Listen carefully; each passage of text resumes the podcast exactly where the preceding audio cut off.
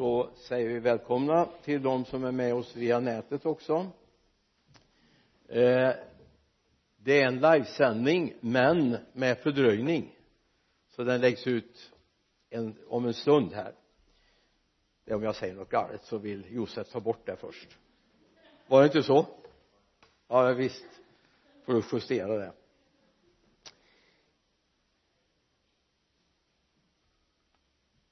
Jag vaknade igår morse med bara en liten del av en bibelvers. Nu måste jag bekänna jag visste inte var jag skulle hitta den. Jag kände så väl till den men jag kunde inte hitta den på en gång. Nu finns samma tema på några ställen men det var just det här stället jag ville ha tag i. Så jag började leta och kom då till Hesekels bok 33 kapitel vers 11 Hesekiel 33 vers 11 Svara dem. så sant jag lever säger Herren Gud.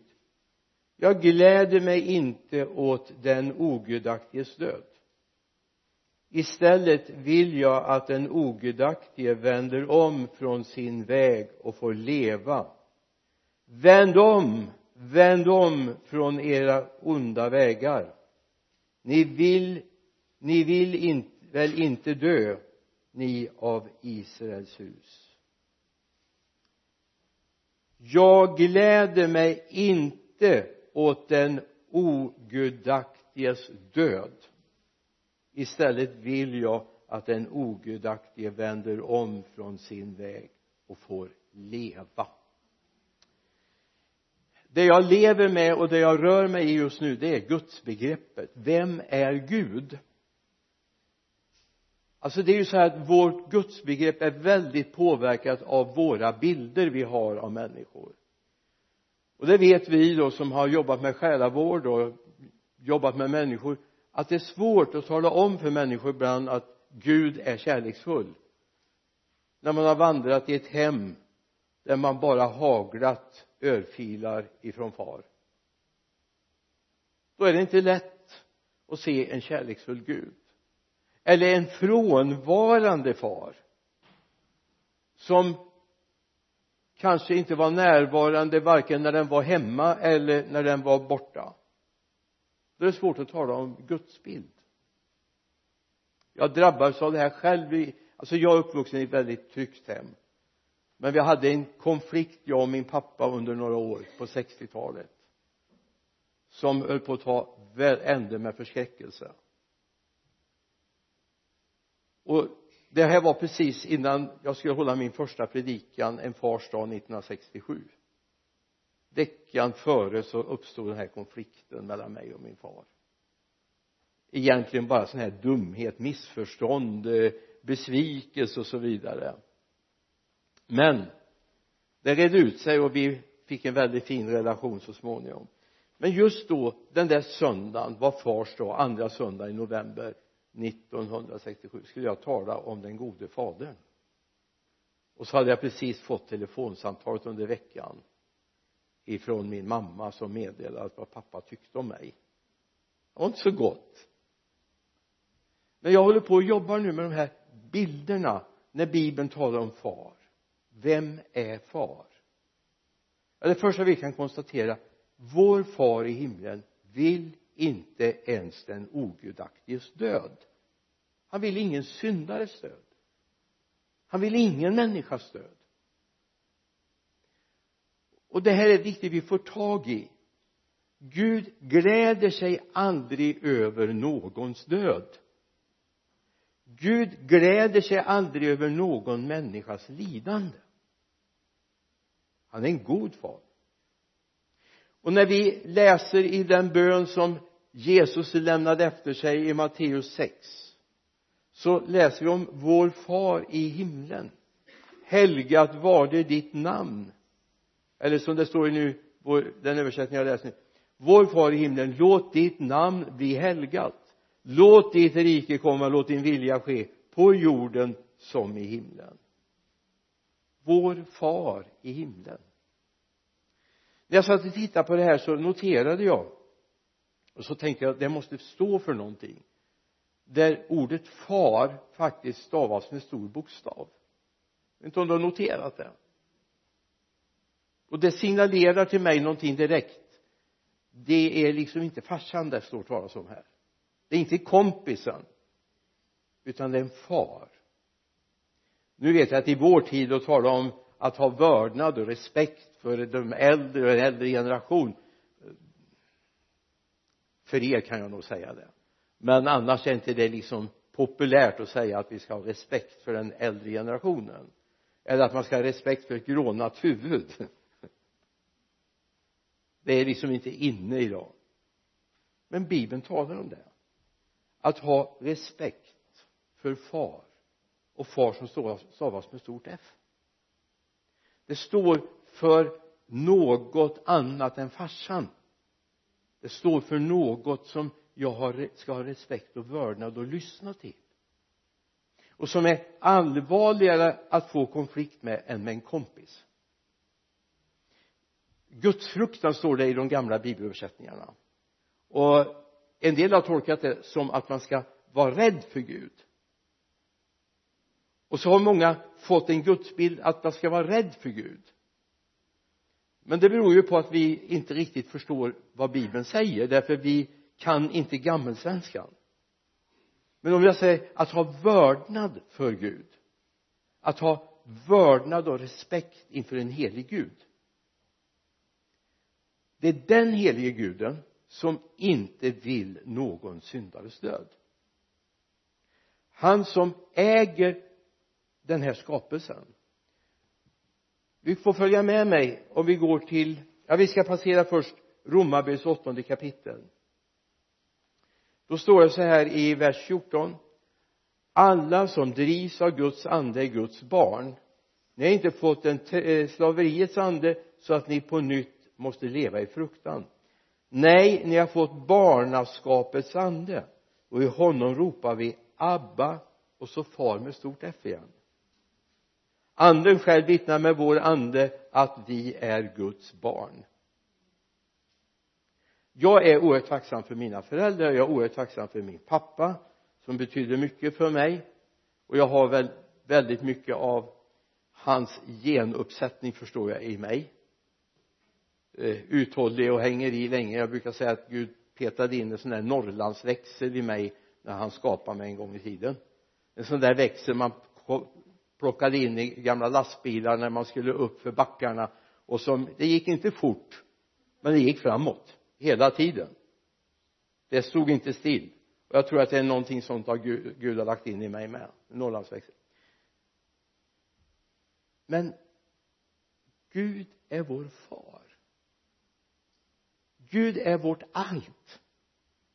Det är från honom vi har fått allting. Och det är viktigt att vi förstår att vi är hans skapade verk. Allt som finns på den här jorden. Allt har sin grund i Gud. Du har din grund i Gud. Oavsett om du är här i baptistkyrkan ikväll eller du ser det här via youtube eller via facebook. Du har din grund i Gud. Så här står det i psalm 24 vers 1 och 2 jorden är Herrens med allt vad den rymmer. Världen med dem som bor i den. För han är, har grundat den på haven och fäst den på den strömmande vattnen jorden är Herrens med allt vad den rymmer. Världen med dem som bor i den. Var bor du? Du bor på jorden, eller hur? Du bor i den skapade världen. Visst. Vems är du då? Du är Herrens. Du är Javes egendom. Du är hans egendom och det här är viktigt att komma ihåg. Det här kan vi berätta för människor som inte bryr sig om Gud som inte lyssnar till Gud. Du får tycka vad du vill. Du är Herrens i alla fall problemet är att en del är bortrövade. Men om någon det skulle vi kunna fråga Ivan han kan ju de här bitarna om lagar och paragrafer men det är ju så här att om någon snor min cykel så blir äganderätten går ju inte över till den som har snott cykeln, eller hur? Den är fortfarande min. Eller hur? Sen kan man förstöra cykeln, man kan sälja cykeln. Faktiskt rent rättsligt så är den fortfarande min. Oavsett vem som styr över ditt liv idag så rent rättsligt är du Guds egendom och hela evangelisationstanken handlar om att återställa skapelsen. Att återställa allt till rätt ägare. Så var och en som du ber med till frälsning. Varenda en som du för till tro på Jesus för du hem till rätt ägare. Din kompis som inte tror på Jesus din arbetskamrat som inte bryr sig om Jesus din klasskamrat som inte frågar efter Jesus är Guds egendom. Men just nu stulna från den rättmätiga ägaren. Och det här är viktigt vi har klart för oss. Så evangeliserande är ju naturligtvis att människor ska komma hem till himlen. Att de ska få passet klart. Men det handlar också om att återställa att den som har blivit stulen från Gud återställs till Gud så då vet du vad du sysslar med när du vittnar för människor. Du håller på att ställa dig till rätta i skapelsen. Amen. Människor som inte bryter sig om Gud kommer helt plötsligt att få lära känna honom och börja tjäna honom. För det är det du är till för. Du är till för att tjäna Gud. Ja det, det var några som fattade det va? Det har nu du förstått också men du är lite blygare bara. Alltså tanken är att du ska tjäna Gud med ditt liv. Och det här är viktigt att se. Så den dagen jag överlät mitt liv till Jesus 18 år gammal så återställde jag en ordning som Gud hade tänkt från början. Pusselbiten föll dit. Jag fattade inte så mycket av det här då. Men när jag började läsa Guds ord förstår jag det är ju det här alltihop går ut på. När eh, Jesus säger i eh, det vi kallar för missionsbefallningen Matteus 28 vers 19 så gå ut och gör alla folk till lärjungar. Döp dem i faderns sonens och den helige andes namn och lär dem att hålla allt som jag befallt er och se jag är med er alla dagar till tidens slut. Vad handlar det om? Det handlar om återställ ordningen kosmos Guds skapelse har blivit ett kaos. Gud vill att kaos ska bli kosmos igen. Att det ska bli ordning. Att det ska hamna rätt. Det är det Gud vill. Gud vill att du ska komma in där han vill. Du ska vara med och göra pusslet klart. Du ska få bli en del av det pussel som Gud håller på att göra i ordning det är därför är församlingen något så helt fantastiskt. För det är en del inte stor del men en del av Guds pussel som håller på att ställas i ordning. Och när det, den ena efter den andra kommer in i den här gemenskapen så blir pusslet klart. Det Gud hade tänkt när han sa sitt varde och det blev. När han bjöd och det stod där det håller vi på att återställa genom att vi har fått försoningens uppdrag säger Paulus i första Korinthierbrevets femtonde kapitel. Vi ska vädja och Kristi vägnar låt försona er med Gud. Det är ju det det handlar om. Det är inte att vi ska sitta på en öde ö och vänta på att Jesus kommer tillbaka utan vi ska vara med och se att ännu flera får vara med och uppleva det som Ivan talar om. En dag händer det. Det hände inte just då men det var en förvarning om att det kommer eller föraning kanske heter att det ska komma. Amen. En dag ska vi vara på väg hem. Då är pusslet klart i de delarna som har sagt sitt ja till Jesus. Amen. Så du är Guds skapelse. Alltså jag brukar säga ibland så här vet du om du kunde titta djupast in i dig så finns det en liten lapp där står made in heaven när jag köpte leksaker när jag var barn så stod det alltid made in Hongkong. Eller Taiwan. Formosa. Nu står det väl made in China. Förmodligen det mesta. Mobiltelefoner och allting. Men du är inte made in China. Det är made från, äh, från himlen. Eller hur? Djupast in i dig. Och det är därför det blir så människor blir så lyckliga när de blir frälsta. När de får tag i det. Därför då blir det harmoni med Guds tanke från skapelsens morgon i deras liv. Och det är väl har vi väl all anledning att vara tacksamma för. Vad var det vi läste svara dem så sant jag lever säger Herren Gud jag gläder mig inte åt den ogudaktiges död istället vill jag att den ogudaktige vänder om från sin väg och får leva. Vänd om vänd om från era onda gärningar. Vänd om. Alltså det finns ingen glädje hos Gud. Det är inte så att han men Gud har inte kommit för att straffa och döma utan han kommer för att frälsa står det ju, eller hur? I Johannes 3 och 17 han har kommit för att frälsa. Varför då? Jo frälsning är alltså ett ord som heter soteria på grekiska. Och det betyder att bli helad i min relation med Gud. Jag blir inplacerad i pusslet. Som Gud ser och som världen ser det är inte underligt att det står i bibeln att se hur de älskar varandra det är ju det naturliga att vi älskar varandra, eller hur? Att vi tycker om varandra. Därför att vi är inplacerade i pusslet. Gud hade en tanke när du föddes.